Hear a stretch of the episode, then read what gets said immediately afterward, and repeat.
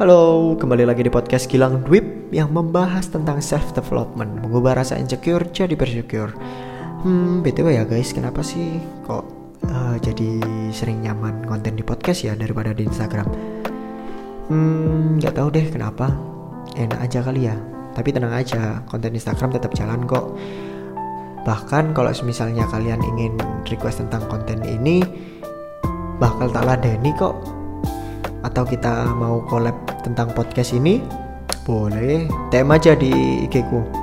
Di @gilangdwip nah, P nya double jangan lupa. Oke? Okay? oke okay, balik lagi.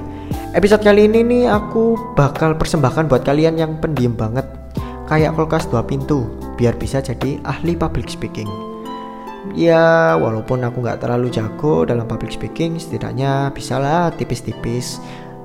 Uh, as you know aja dulu tuh aku pendiam banget dan gak berani ngomong di depan umum uh, kalau pegang mic tuh ya langsung gemeter, langsung keringetan, keringet dingin, keringet basah, keringet semuanya deh. Tapi sekarang sih udah lumayan, bisa lah ngilangin rasa malu itu di saat ngomong di depan umum.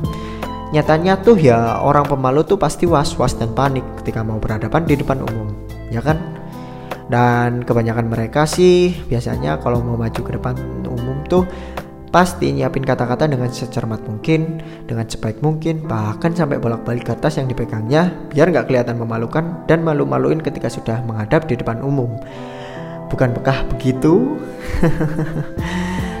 ya nggak bisa menyalahkan diri sendiri sih kalau jadi malu kayak gitu. Ya mau gimana lagi Tapi bisa kok kalian belajar Biar kalian tuh jadi nggak pemalu lagi Tapi bukan berarti urat malu kalian putus ya Nih ini sih yang aku realize ketika aku mulai mengerti pentingnya belajar public speaking Yang pertama Pilih aja nada dan bahasa yang enak didengar di semua umum Yang simpel aja, nggak usah bertele-tele Aku yakin sih orang pemalu pasti nggak pengen lama-lama di depan umum Ya kan? Ngaku aja deh. Yang kedua ya, berpenampilan yang menarik dan rapi. Nah ini penting banget. Gak usah terlalu muluk-muluk atau bahkan sampai ngebuat kamu sendiri gak nyaman dengan pakaian itu. Yang terpenting sih cuma cukup milih style sesuai kepercayaan dirimu itu. Jadi diingat ya guys itu. Terus yang ketiga tuh yakinkan dirimu kalau kamu itu bisa bisa maju ke depan tanpa ada rasa grogi.